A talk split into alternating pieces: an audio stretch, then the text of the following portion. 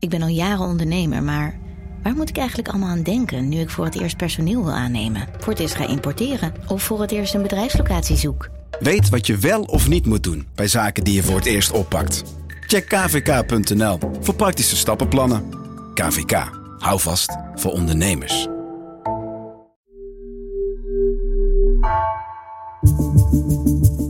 Vanaf de redactie van NRC het verhaal van vandaag. Mijn naam is Misha Melita.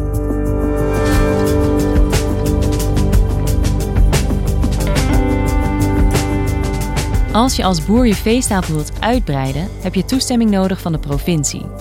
Want sinds de stikstofcrisis van 2019 mogen boeren niet meer stikstof uitstoten. Maar wat als de berekening waar die uitstoot op gebaseerd is ter discussie staat? Jan Daalder en Martin Kuiper zochten uit hoeveel boeren de afgelopen jaren mochten uitbreiden en of dat terecht was. Want hoe slim is het als boerenbedrijven groter worden midden in een stikstofcrisis?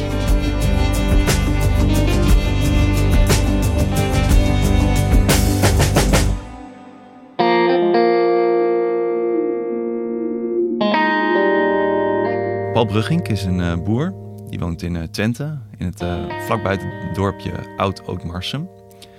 Heeft een varkenshouderij met zo'n 9000 varkens heeft hij nu. Dus biggen, vleesvarkens. Hij heeft ook nog een paar schapen erbij. en die wil uitbreiden. En daarvoor heeft hij een vergunning nodig van de provincie. En hoe pakt hij dat aan? Hoe vraag je zo'n vergunning aan? Nou, hij wil een nieuwe stal bouwen. Dat is een tiende stal. Dan ga je als boer naar de website van het RIVM. Daar staat een uh, rekenprogrammaatje, calculator.arius.nl. Daar vult hij in dat er in die stal 4736 extra varkens komen. Dus hij zegt een nieuwe stal, die noem ik stal 10, 4736 varkens.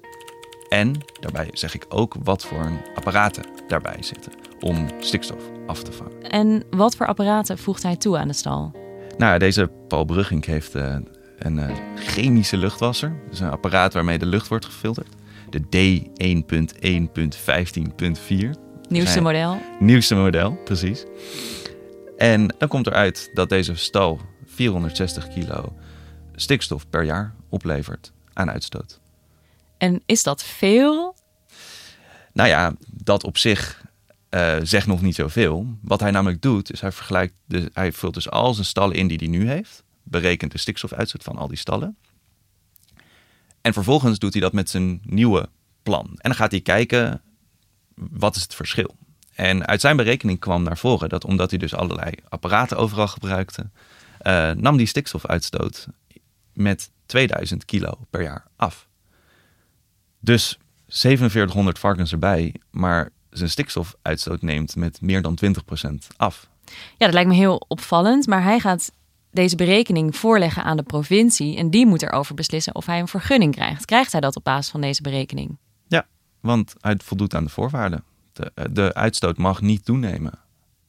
Maar er zijn ook uh, laatste jaren twijfels of uh, die berekening wel klopt. En dus is het onzeker of de stikstofuitstoot ook echt daalt.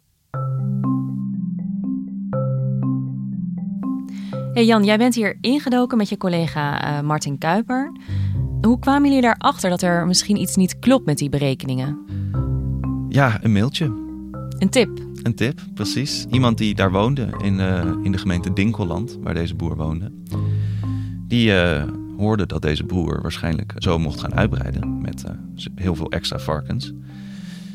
En tegelijkertijd zei deze persoon ook in dat mailtje uh, woont deze boer, Paul Brugging, op 650 meter van uh, een beschermd natuurgebied. Van Natura 2000 gebied, het Springendal en het Dal van de Mosbeek. En dat Springendal en het Dal van de Mosbeek, daar is heel veel heide. Uh, en dat is heel gevoelig voor stikstof. En vandaar ook dat de provincie en Staatsbosbeheer daar in de buurt ook al bezig zijn de laatste jaren. om die natuur er weer bovenop te helpen. en daar hoort ook bij dat boeren in die omgeving hun land eigenlijk terug moeten geven aan de natuur. En er verdwijnen dus ook boeren uit die streek. Ja, dus deze tipgever zegt eigenlijk: kijk, deze boer vlak bij dit Natura 2000 gebied mag ontzettend gaan uitbreiden, maar daar lijkt iets niet in de haak. Ja, dat vroeg ik me ook in eerste instantie af. Maar ja, ook ik dacht, hij voldoet aan alle regels. En dan, wat gaan jullie dan doen? Ja, uh, je gaat het breed net uitgooien. Is ik ben met raadsleden uit de gemeente gaan bellen. Omwonenden, er zijn wat natuurclubjes. Uh, maar het belangrijkste is eigenlijk experts bellen. Want ja, deze tipgever zei dat dat niet kan, dat dat niet zou mogen kunnen. Maar ja, tegelijkertijd voldoet het aan de eisen. Deugen die eisen dan niet? Dus ik heb met een aantal experts gepraat, hoogleraren die gespecialiseerd zijn in stikstofuitstoot. Ook experts die gespecialiseerd zijn in natuurbeschermingsrecht. En die zeiden, ja, die eisen, dat zit toch niet helemaal, die zitten niet goed in elkaar. Wat gaat er mis bij de eisen, zeiden zij? Nou, eigenlijk van alles bleek. Kijk, die Arias-calculator is een model. Dat is een soort abstract ding. Uh, en dat gaat natuurlijk wel uit van wetenschappelijke metingen. Van, nou ja, als je zoveel varkens, dan kan je verwachten dat, dat er zoveel stikstof vrijkomt. Maar die metingen zijn ook al heel lang niet gedaan. Dat zijn ook vaak oude metingen. Die nemen sommige factoren niet helemaal mee. En daarnaast zijn, en nog eigenlijk belangrijker, Ehm, zijn die apparaten. Dus die luchtwassers die Brugging daar in zijn stal plaatst. Daar is veel wetenschappelijke twijfel over of die wel goed werken. Dus of die wel zo'n stikstofreductie ja. kunnen bereiken. Ja, op, op die luchtwasser staat ja, bij wijze van spreken een etiket. Met, ja, als je dit op je stal zet, dan wordt 85% van de stikstof afgevangen. Maar uit onderzoek van uh, de WUR, van Wageningen University, blijkt dat dat vaak maar 59% is.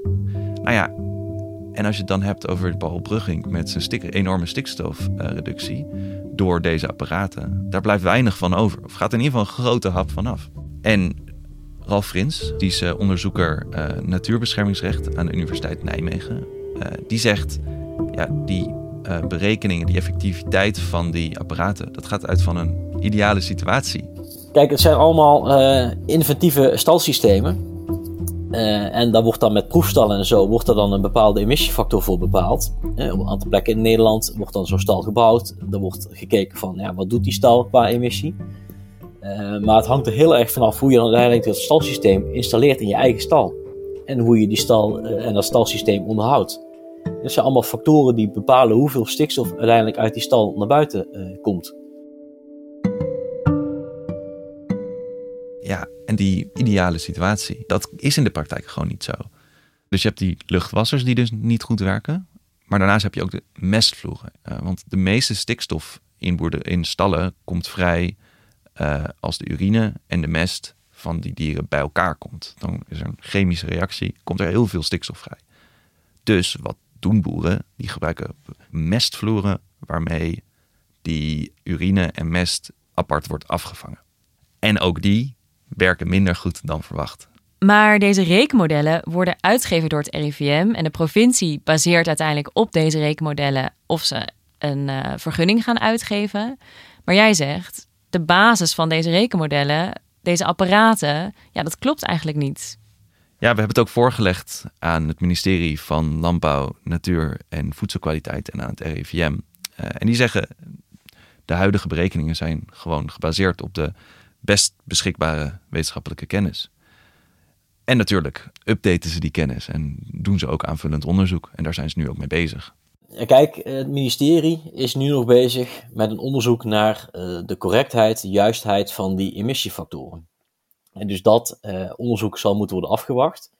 En dat zou ertoe kunnen leiden dat als inderdaad blijkt dat die emissiefactoren uh, in die regeling ammoniak en veehouderij, dat die onjuist zijn vastgesteld of niet kloppen, ja, dan kan dat ertoe leiden natuurlijk dat, dat, eh, dat die emissiefactoren worden bijgesteld, hè, dat die worden aangepast.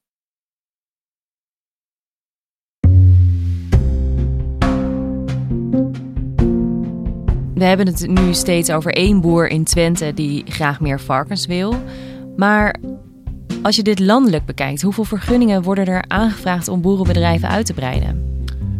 Ja, dat zijn uh, Martin en ik samen gaan uitzoeken. Ja, uh, niet alle provincies reageerden even snel. Uh, er zijn ook een paar provincies die helemaal niet hebben gereageerd. Maar het gaat om honderden vergunningen sinds mei 2019. Soms gaat dat om uitbreidingen van een paar dieren, handvol, soms tientallen, soms honderden en soms, zoals bij Paul Brugging, om duizenden dieren. En waarom hebben jullie specifiek gevraagd naar vergunningen sinds mei 2019? Toen deed de Raad van State de bekende stikstofuitspraak. het begin van de stikstofcrisis. het probleem was namelijk dat jarenlang er veel te veel stikstofuitstoot was. En dat was heel schadelijk voor natuurgebieden, zoals dat Springendal in Twente. De Raad van State vindt dat de overheid kwetsbare natuurgebieden niet voldoende beschermt tegen stikstof. 180 vergunningen worden daarom mogelijk ingetrokken. Het gaat om boerenbedrijven die willen uitbreiden, maar ook vergunningen voor wegenaanleg en transportbedrijven. De afgelopen jaren is de kwaliteit van onze natuur achteruit gegaan. En daarom zijn er nu andere keuzes nodig. Maken we die keuzes niet, dan lopen we vast. Ja, toen zaten we ineens in een stikstofcrisis. En daar is toen ook beleid op gemaakt. Boeren mochten minder stikstof uitstoten. We mochten minder hard rijden op de snelweg. En er mocht minder gebouwd worden. Ja, en daar zitten we nog steeds mee met al die maatregelen. En in dat licht vinden veel mensen het wel apart dat, uh, dat boeren als Brugging mogen uitbreiden. Ja, dus het is ook opvallend dat de provincie sindsdien nog honderden vergunningen heeft verleend voor uitbreidingen van boeren. Ja, en er zijn ook mensen die dat uh, vinden en die zijn dus ook naar de rechter gestapt. En er lopen ook meerdere procedures tegen meerdere provincies dat uh, die vergunningen allemaal ook onterecht zijn vergeven. Omdat dus er wetenschappelijke twijfel is over al die apparaten die gebruikt worden. En hoe gaat het dan in de rechtbank. Uh, zijn deze wetenschappelijke bewijzen dat deze apparaten niet werken ook reden om zo'n vergunning in te trekken? Ja, dat is nu twee keer gebeurd. Dus in maart gebeurde dat uh, in Friesland. Uh, dan zei de rechtbank dat de provincie Friesland een aantal vergunningen niet had mogen vergeven. En onlangs nog in september deed de rechtbank in Utrecht vergelijkbare uitspraak. Acht veehouderijen kregen van de provincie Utrecht een vergunning om meer melkkoeien te gaan houden in nieuwe emissiearme stallen. In verschillende wetenschappelijke rapporten wordt de lagere uitstoot echter betwijfeld. De rechtbank vindt daarom dat eerst verder onderzocht moet worden of de standaarden juist zijn. Tot die tijd is onzeker wat de gevolgen zijn voor de Natura 2000 gebieden en staat niet vast of de uitbreiding van de acht bedrijven juridisch mogelijk is. Ja, dus deze twee uitspraken liggen er nu. Tegelijkertijd zegt het RIVM: hier is een rekenmodel wat je kunt gebruiken om een vergunning aan te vragen. Komt er nu niet gewoon een heel omslachtige, onhandige periode aan van boeren die vergunningen aanvragen op basis van een model en dat vervolgens in de rechtbank moeten gaan verdedigen? Zo kunnen we toch ook niet verder en zo komen we ook niet richting minder stikstofuitstoot. Ja, een andere hoogleraar die ik sprak, Kees Basmeijer, die zei dat hij geen reden zag waarom andere provincies niet ook dit soort uitspraken gaan doen als de boeren diezelfde apparaten gebruiken. Want die twijfel is natuurlijk overal hetzelfde. Ja, die provinciegrenzen maken niet uit. En hij zegt ook dat dat ook heel logisch is, want het is in strijd met Europees recht. Hij zegt, er mag geen redelijke wetenschappelijke twijfel zijn over de effecten op natuurgebieden als dat Springendal. En dat is een heel duidelijke richtlijn en er is wel redelijke wetenschappelijke twijfel.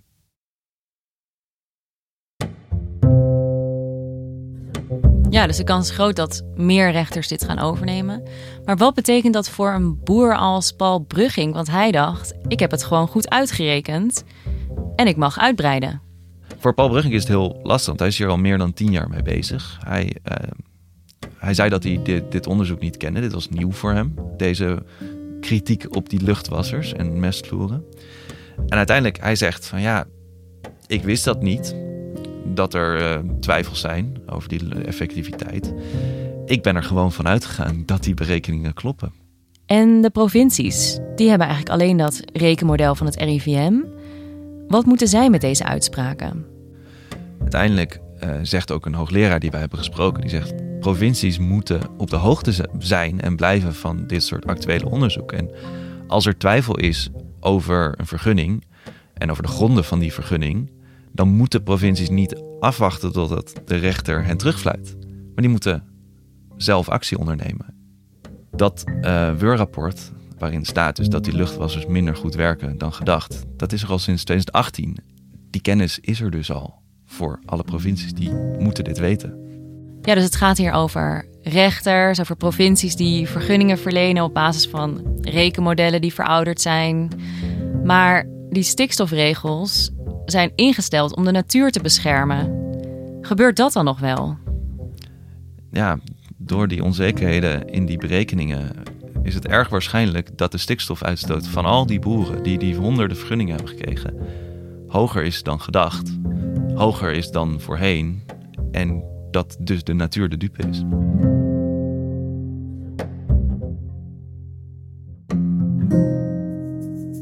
Dankjewel Jan. Graag gedaan.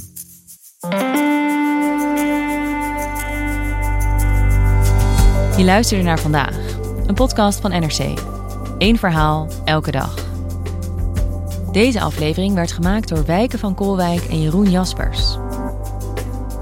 Dit was vandaag, morgen weer.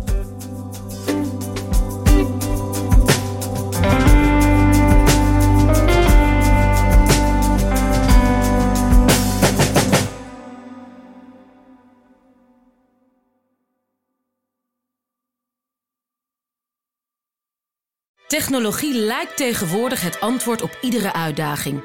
Bij PwC zien we dit anders.